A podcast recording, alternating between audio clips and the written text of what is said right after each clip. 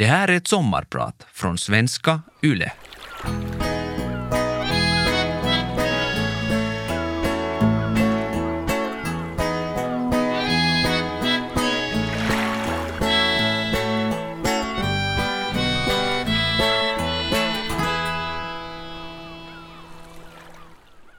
Det är oktober i Dragsvik.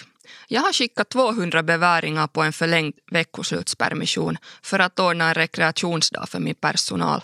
Förutom beväringarna leder jag vid den här tidpunkten ett tjugotal officerare och avtalssoldater. Nu står jag vid en bergsvägg någonstans i Snappätuna och väntar ivrigt på att de första i personalstyrkan ska anlända till den andra anhalten under vår leksamma äventyrstävling. Jag har faktiskt sett fram emot den här dagen och jag är på gott humör som vanligt.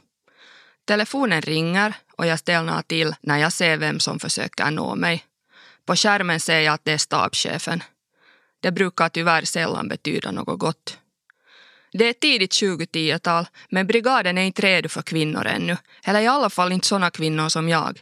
Jag är antagligen för smart, för självständig och i för bra kondition. Med min blotta uppenbarelse provocerar jag män som är vana att få svänga runt i enbart manliga rum.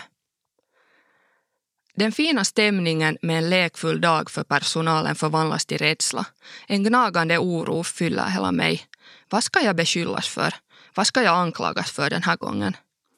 Jag är den första kvinnliga kompanichefen i Dragsvik och jag är ständigt under lupp av de högre, också av jämbördiga och andra kvinnor. De liksom väntar på mina felsteg, men jag vägrar ge dem det nöje. Jag heter Henrika Backlund. Jag är generalsekreterare för finlandssvenska idrott och jag har en bakgrund inom Försvarsmakten. Idag ska jag sommarprata om min erfarenhet av kvinnohat i försvaret och bästa brodernätverken som tyvärr verkar finnas överallt.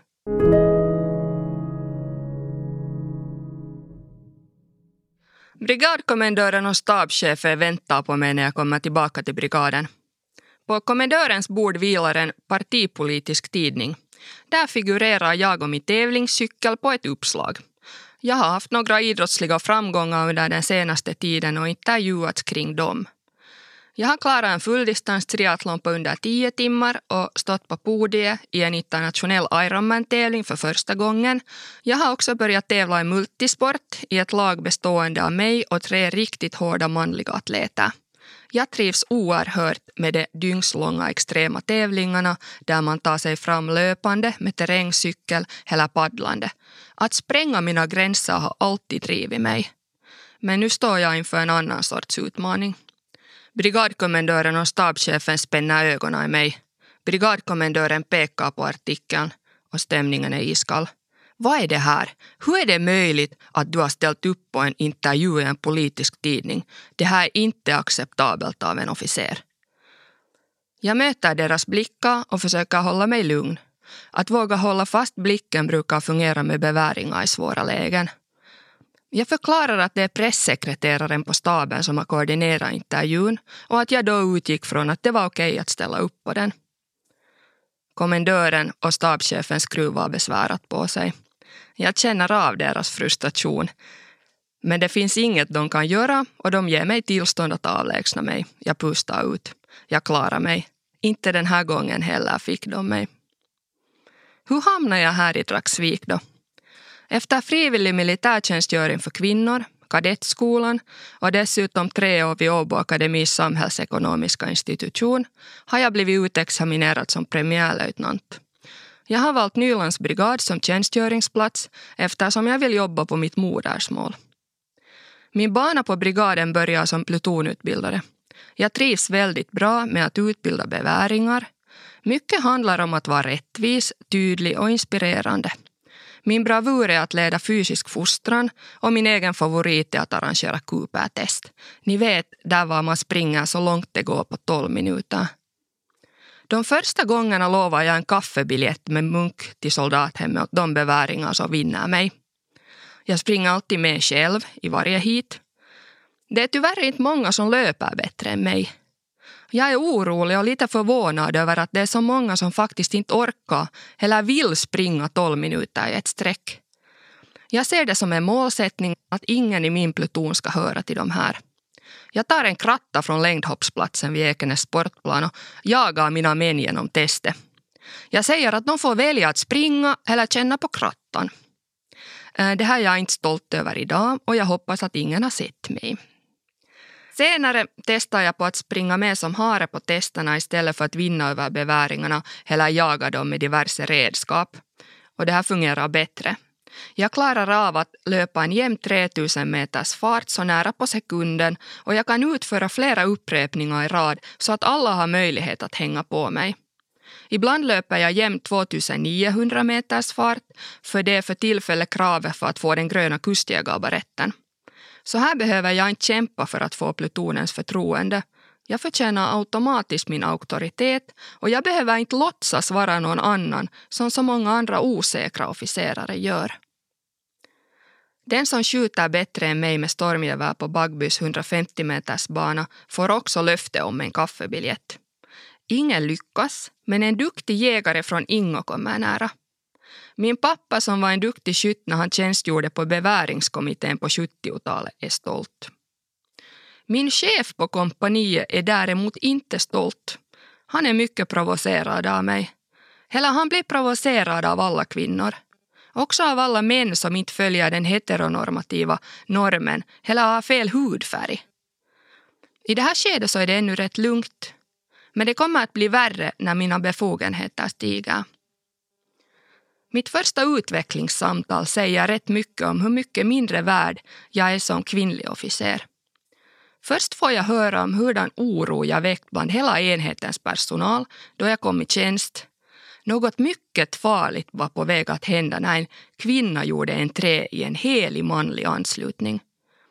Jag var i det här skedet tyvärr för ung för att förstå att jag inte borde lyssna på skiten utan att anmäla. Han ger mig en mycket medelmåttig bedömning och försöker klämma till med något positivt på slutet. Ja, för att vara kvinna har det gått helt okej, säger han och ler besvärat. Jag är helt tom efter samtalet, för jag undrar vad jag har gjort för fel. Jag utexaminerades som primus från min linje. Jag är politiets magister i nationalekonomi. Beväringarna tycker om mig och jag gör framsteg i utbildningen. Jag har inte så många att prata om med situationen på jobbet. Vi är vid det här laget tre kvinnor som arbetar som officerare vid brigaden, men vi har fullständigt misslyckats i att stödja varandra. Det känns som att vi kör vårt eget race på varsitt håll och så tittar vi avundsjukt mot varandra när vi möts. Sen låtsas vi som om det går hur bra som helst för oss, fastän det i alla fall i mitt fall är skittungt. Som tur så har jag idrotten och föreningarna. Där hittar jag en gemenskap som inte finns på min arbetsplats.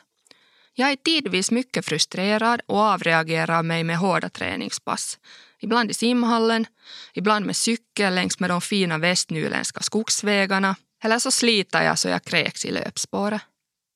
Ett starkt stöd hittar jag i en vän från min tidigare triathlonförening, en journalist på Huvudstadsbladet som blir en viktig vän och som lyssnar på allt vad jag berättar.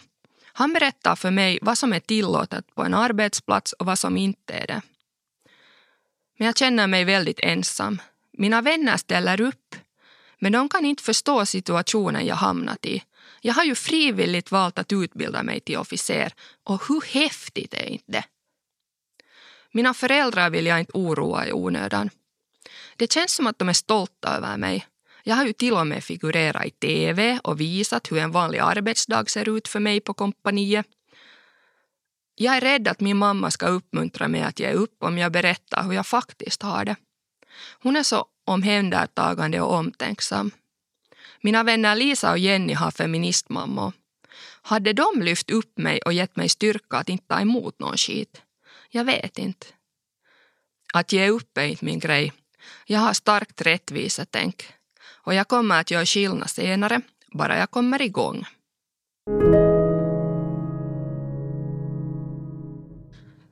När beväringarna på enheten hemförlovas får de anonymt fylla i en feedback-enkät och sedan ge fri respons över tjänstgöringen och på enhetens personal. På en lapp läser jag Premiärlöjtnant Malmström borde ta mera plats. Det är alltså jag. Jag är evigt tacksam för det här tydliga budskapet.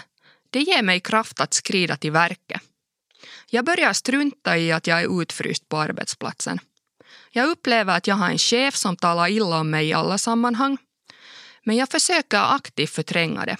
Jag slutar bry mig om ifall alla tystnar i matbordet då jag sätter ner mig. Och jag struntar i när någon vänder ryggen mot mig när jag kommer gående. I det här skedet har min enhet inte ännu tagit emot kvinnliga beväringar och enhetschefen gör allt för att det ska så förbli. Men jag är nu vicechef och jag kan påverka läget. Jag ser absolut inga hinder för att vi inte skulle kunna välkomna kvinnor till enheten. Jag har ju själv tillgång till skild WC och dusch och jag kan mer än väl dela dem med kvinnliga beväringar. Det här är en stark attitydfråga. Och jag framhäver det här i något sammanhang och när nästa kontingent rycker in så tar vi emot några kvinnor som utför frivillig militärtjänstgöring. De tjänstgör som båtförare, chaufförer eller underhållsuppgifter. Jag får direkt höra att det här är något av det värsta som drabbat enheten. Och jag får höra att det var illojalt och att jag har agerat dåligt. Sedan får jag konstant höra om hur besvärliga och misslyckade de kvinnliga beväringarna är. Som att det är mitt personliga ansvar när de inte klarar av något. Personligen tycker jag att de är precis lika dugliga som männen på enheten. Kvinnorna är mycket mer motiverade och det blir en bättre dynamik i sammansättningen. Det värsta övertrampet sker när de hemförlovas. Det är semestertid och jag är kvar på kompaniet när de flesta andra tagit ledigt.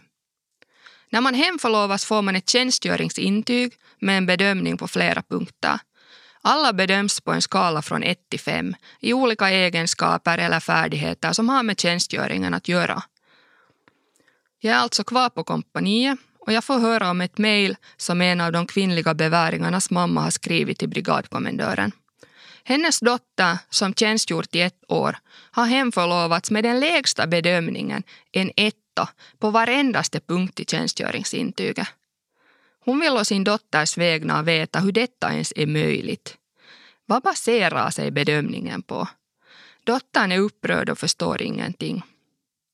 Tjänstgöringsintyget är undertecknat av kompanichefen, alltså min förman. Jag har inte gjort bedömningen. Det vet jag med säkerhet eftersom inte ens de sämsta manliga beväringarna någonsin hemförlovats med en så dålig bedömning. Men jag kallas in för att ta reda på vad bedömningen grundar sig på. Och hela jag bubblar av ilska. Det här är härskarteknik på en högst vidrig nivå. Jag häver spontant ur mig till stabschefen som ber mig göra utredningen att jag är orolig över vissa personers inställning till kvinnor på kompaniet och att det sannolikt beror på det. Det som jag inte tar i beaktande här är att de som jag nu rapporterar till hör till samma bästa brodernätverk och det innebär att de skyddar varandra i vått och torrt. Jag skjuter mig själv i foten, men nu är jag förbannad. Jag är så otroligt upprörd när jag går tillbaka till enheten. Hur är det här ens möjligt? Kvinnan i fråga har enligt mig varit motiverad i sin uppgift och tagit sig an alla utmaningar som erbjudits henne när många manliga beväringar har försökt komma undan. Jag börjar samla information om hennes tjänstgöring i ett dokument. Jag öppnar systemet där beväringarnas utföranden bokförs. Hon har utfört soldatens grundexamen med berömligt resultat. Hon har fått högsta poäng i bedömningen som görs av jämställda. Hon har inte bestraffats eller tillrättavisats en enda gång under sin tjänstgöring. Hon har klarat barettmarschen och vapenslagsmarschen och hon har vunnit guld i brigadmästerskapet i orientering i damklassen. Jag kan knappt tro att det är sant. Jag skriver ner alla hennes berömliga prestationer, tidigare bedömningar, resultat och frånvaro i ett dokument som jag undertecknar som vice enhetschef. Jag blir glad över att hon ska få en uppgörelse. Det här måste vara ett misstag. Men det här sker tyvärr inte. Istället blir jag hårt bestraffad härefter.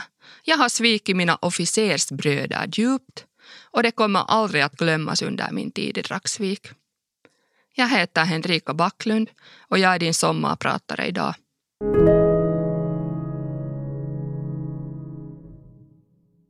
Bästa brodernätverket på mitt jobb är starkt. Det erbjuder stöd för lojala vita män. Här kan man tryggt sopa de flesta förseelser under mattan. Stabschefen är en av ledarna i nätverket och kompanichefen en av hans största och lojalaste anhängare. Den nya löjtnanten, som gjorde den huvudlösa bedömningen jag nyss berättade om, är en aspirerande medlem i nätverket. Genom att visa sin lojalitet, förslagsvis genom att göra en helt vettlös bedömning av en kvinnlig beväring, har man möjlighet att bli antagen till klubben. Sen avnjuter man fullständigt stöd av jämbördiga, kommer in i kretsen där besluten egentligen fattas och har en bättre möjlighet att påverka sin egen karriärs utveckling. Den kvinnliga beväringen får aldrig sitt tjänstgöringsintyg korrigerat. Bästa brodernätverket har fungerat och sopat sina egna misstag och förbrytelser under mattan. Och jag är fullständigt utfrusen från det här nätverket. Sen händer något annat som jag inte heller förväntar mig. Jag fungerar ofta som skjutledare på stridsskjutningar i Syndalen. Tillsammans med en obekant löjtnant från materialavdelningen ska jag leda grupp i försvarsskjutningen senare på hösten. Kompanichefen är i kontakt med löjtnanten på förhand och varnar honom för att jag är en fullständig idiot och att han inte kommer att stå ut med mig en hel vecka. Men tro det heller ej, vi fungerar mycket bra tillsammans och stridsskjutningen går smidigt. I smyg önskar jag att den aldrig ska ta slut, för vi har så roligt tillsammans. Han bygger eldmarkeringsfält och jag beskriver lägen för beväringar som skjuter från eldställningarna. Mellan grupperna som kommer och går hinner vi berätta fantastiskt dåliga skämt för varandra. Efter sista skjutningen går vi länge omkring och granskar skjutområdet.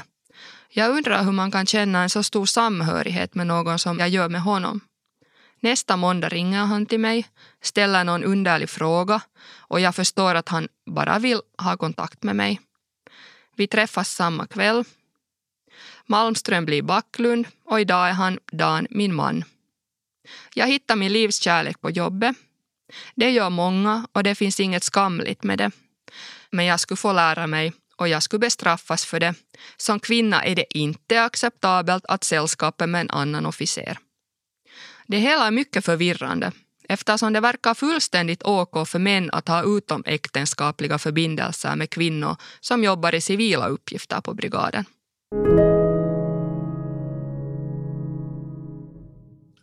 Ganska snart blir det klart att kompanichefen ska flyttas till andra uppgifter och jag får frågan om jag är intresserad av att bli kompanichef för enheten. Ingen kvinna har tidigare varit kompanichef i Dragsvik och jag ser det som en bekräftelse att jag ens blir tillfrågad. Men jag tvekar för jag inser vilken enorm utmaning det kommer att bli. För jag saknar totalt stöd från mina kollegor i och med att jag inte har visat lojalitet mot gruppen. Mot männen alltså. Jag tar emot uppgiften som kompanichef och bestämmer mig för att sluta försöka passa in i den ohälsosamma verksamhetskultur som råder.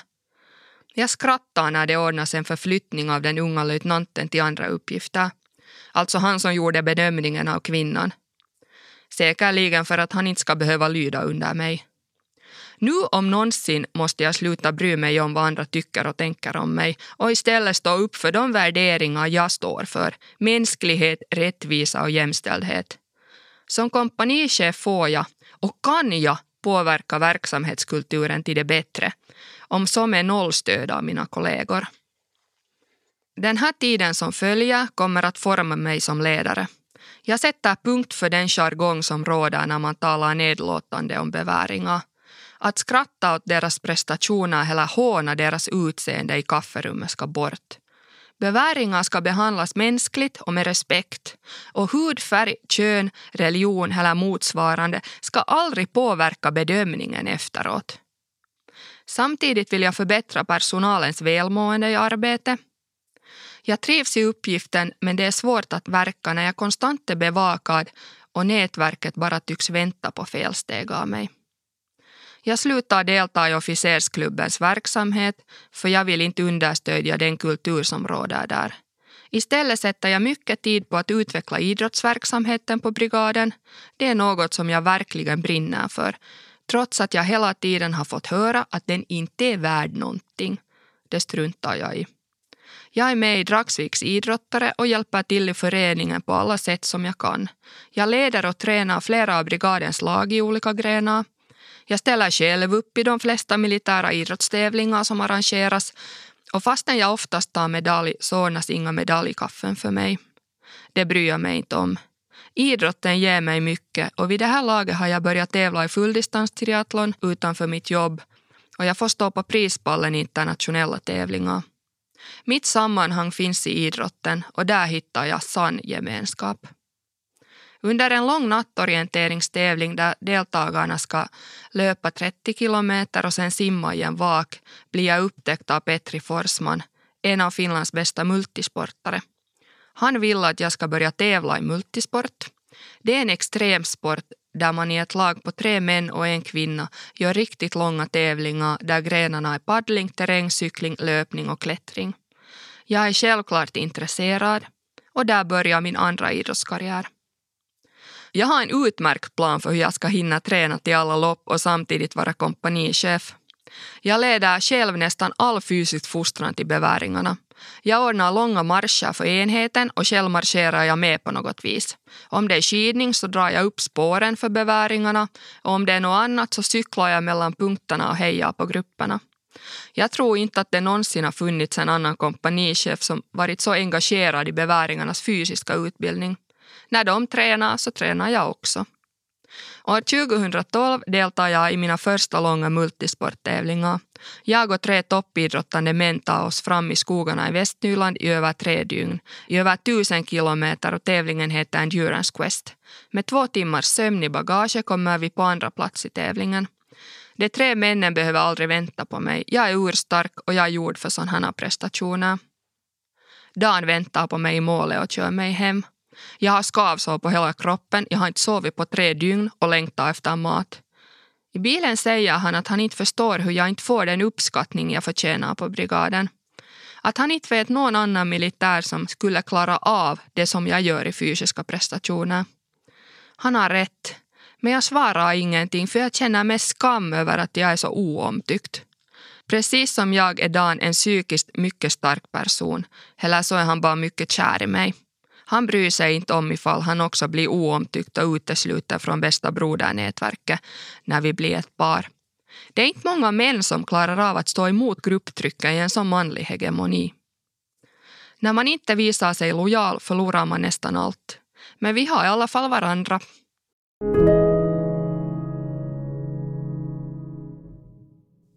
Efter multisporttävlingen i Västnyland är jag någon slags kvinnlig stjärna i grenen och bli ombedd att tävla med de främsta lagen internationellt. När jag åker till Kina för att tävla i en fyra dagar lång etapptävling i Gobiöknen vågar jag inte ens berätta för min mamma. Hon är riktigt orolig över de här tävlingarna och nu efteråt förstår jag henne. Men jag får unika erfarenheter och jag får testa mina gränser lite till. Följande utmaning är i Stockholm. Där håller det på att gå riktigt dåligt. Mitt lag ligger tvåa före den sista etappen. Vi cyklar och sen har vi bara 10 kilometer löpning genom staden till målet på torget i Södermalm. Men jag ramlar med terrängcykeln och får ett djupt sår på knä och ännu ett större sår på axeln. Vi kan inte avbryta här. Vi har tävlat i ett dygn och andra plats är värd mycket. Min lagkamrat kopplar fast mig i ett gummiband och så löper jag efter honom och försöker koppla bort all smärta jag känner i såren. Blodet rinner, både från knä och från axeln. En bil stannar och någon trycker ner vindrutan och ropar “Släpp kvinnan fri!” Det gör vi absolut inte och vi kommer i mål som andra lag. Sen åker jag direkt till Södersjukhuset för att få såren sydda. Jag gör många motsvarande tävlingar och varvar multisport med triathlon. Tills jag blir gravid med mitt och Dans första barn. Vi bor tillsammans i min hyreslägenhet i Ekenäs nära brigaden men planerar på att bygga hus. Jag vill gärna tillbaka till Evitskog där jag hör hemma och det passar också honom så länge vi flyttar någonstans där det finns skog och där Dan kan odla allt möjligt. Jag ger bort kompanichefskapet när jag påbörjar min moderskapsledighet och tar emot en plats vid brigadstaben istället. Vi bygger ett stockhus i Evitskog på en tomt som jag får i förhandsarv av mina föräldrar. Vår son Kalle föds. Några år senare får han en syster, Carolina. Och när jag efter andra föräldraledigheten återvänder till arbetet vid Nylands brigad är det inte för någon lång tid, tyvärr. Inget har förändrats under åren. Kulturen är densamma och jag vet exakt vem jag inte kan lita på av mina kollegor och de är tyvärr många. Jag känner mig hämmad, låst. Det värsta är att jag får utlopp för kanske 5 procent av min kompetens. Det blir avgörande och jag bestämmer mig för att söka mig vidare. Jag drivs av utmaningar och tycker att det är viktigt att spränga glastak. Men det är tärande att driva förändring helt ensam i motvind en hel karriär. Så när finlandssvenska idrott söker efter en ny generalsekreterare är det som att de skulle rikta annonsen till mig. De söker någon som vill arbeta för idrotten och som har erfarenhet av ledarskap. Jag vill söka jobbet, men tveka. Det är kanske typiskt kvinnligt, men av någon anledning tvivlar jag på min kompetens. Har jag vad som krävs? Jag tänker att de säkert vill ha en man, en som är äldre än mig. Men jag blir kallad på intervju och till min stora glädje så får jag jobbet. En av de starkaste orsakerna att lämna Försvarsmakten är att jag vill jobba på ett ställe med bättre verksamhetskultur. Ett ställe där arbetsplatsmobbning inte är vardag. Innan jag stänger dörren i Dragsvik bakom mig ber jag om audiens hos brigadkommendören en sista gång. Han är en av de smartaste som har haft den posten och jag vill ställa en sista fråga. Han var bataljonskommendör när jag var ung premiärlöjtnant. Jag frågade honom om han inte såg hur jag behandlades på kompaniet. Han skruvade på sig. Jag vet att han såg och jag frågade honom varför han inte gjorde någonting. Varför han inte ingrep. Jag känner av hans obekväma känsla. Han medger att han kände till att många inte tyckte om mig och mumlade något. Men jag vet att alla visste. Jag önskar att jag skulle ha varit modigare som ung premiärlöjtnant och vågat prata om hurdan behandling jag fick. Men med facit på hand, bästa brodernätverket fungerade för bra på den tiden. Det hade nog ändå inte funnits någon som skulle ha vågat ta mig i försvar. Så jag fick göra det själv.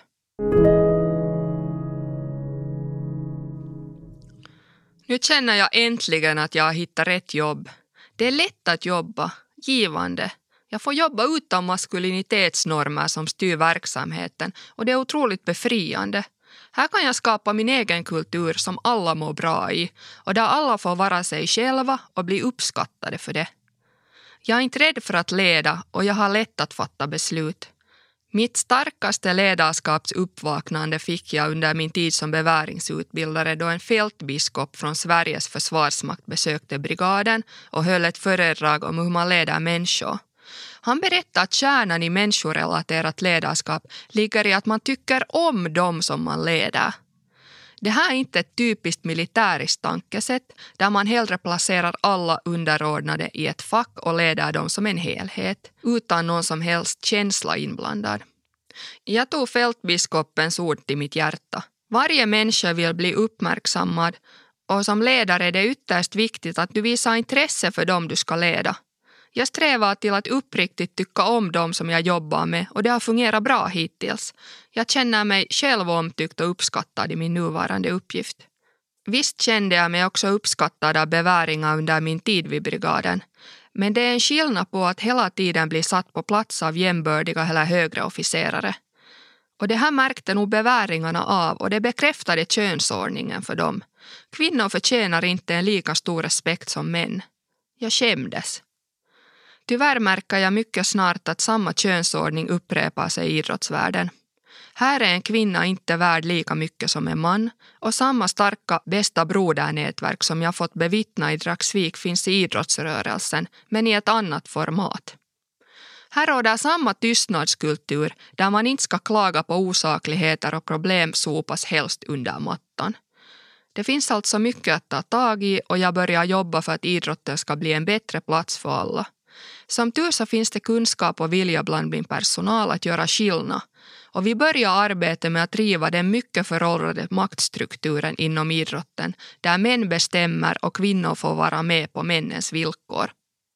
Jag tror att min bakgrund inom det militära hjälper mig mycket i det här arbetet. Främst har jag blivit så allergisk mot ohälsosam verksamhetskultur. Jag vill göra allt för att en sådan kultur som jag upplevde själv i Dragsvik aldrig upprepar sig någon annanstans. Jag är ingen ledare som säger högtidliga fraser eller skriver ner fina ord i planer men signalerar med beteende att orden egentligen inte har någon betydelse. Jag är inte heller någon ledare som piper något vid sidan om och aldrig vågar göra skillnad. Jag är den som leder framifrån och med mitt eget exempel. Jag vill också påverka genom kommunikation. Under min tid som officer hade jag inte möjlighet att uttala mig eller skriva några ställningstagande. Det är inte tillåtet att vara politiskt aktiv. Men nu får jag tycka, och högt. Jag får möjligheten att skriva kolumner för Hufvudstadsbladet om allt som berör idrott. Samtidigt börjar min kollega Sara Norgrand, som då jobbade med vårt jämställdhetsprojekt, skriva motsvarande kolumner i Vasabladet. Vi är två kvinnor som framför åsikter och lyfter upp problem på bordet på två fronter i Svenskfinland. Vi stöter på samma fenomen. Vi får uppmuntrande feedback av kvinnor men kritik uteslutande från män. Det här säger något om hur vi ser på kvinnor som uttalar sig i idrottsfrågor i Finland på 2020-talet. Kritiken kommer uteslutande från män och låter ofta så här. Man borde koncentrera sig på kärnverksamhet inom idrotten. Det här med jämställdhet är kvinnornas sak. Ni skrämmer upp kvinnorna. Det är resultaten som räknas i idrotten. En bekant till mig är riktigt upprörd när han träffar mig första gången i egenskap av generalsekreterare. Ni gör ju bara jämställdhetsarbete. Ni koncentrerar er inte alls på idrott. Jag blir väldigt glad när han två år senare kommer tillbaka och ber oss samarbeta kring jämställdhet. På hösten 2022 gråter jag för första gången på flera år. Finlandssvenska idrott mottar statens huvudpris i jämlikhetsarbete för idrottsorganisationer. Mina kollegor Sara Norgran och Tarja Krum har jobbat stenhårt. De tar emot priset och jag håller ett tacktal. Jag är inte sån som gråter så ofta. Men jag blir så berörd över att vi har lyckats i vårt arbete. Att man kan lyckas på jobbet och att man kan få ett pris, ett tack. Små tårar av lycka och lättnad rinner ner för mina kinder.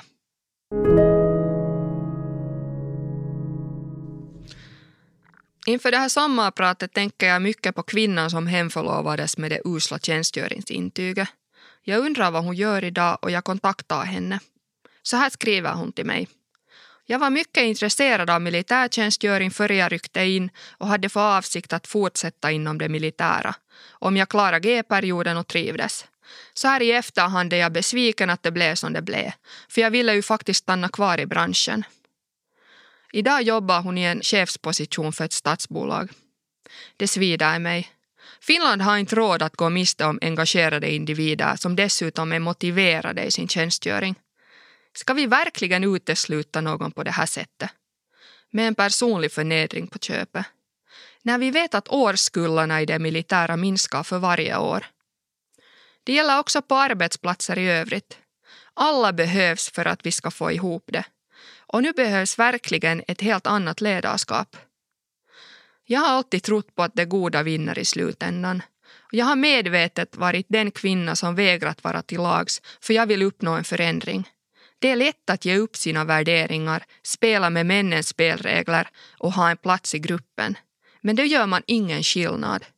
Speciellt inte för den kvinna som kommer efter dig. Jag heter Henrika Backlund och jag är stolt över att jag har vågat vara besvärlig. Hela Finland behöver modiga personer och ledare som vågar gå i fronten. Så länge jag lever ska jag trampa upp nya stigar. Tack för att du gör mig sällskap. Du har lyssnat på Vegas sommarpratare med Henrika Backlund. Redaktör Linn Ljung. Vegas sommarpratare görs av Parad Media för Svenska Yle.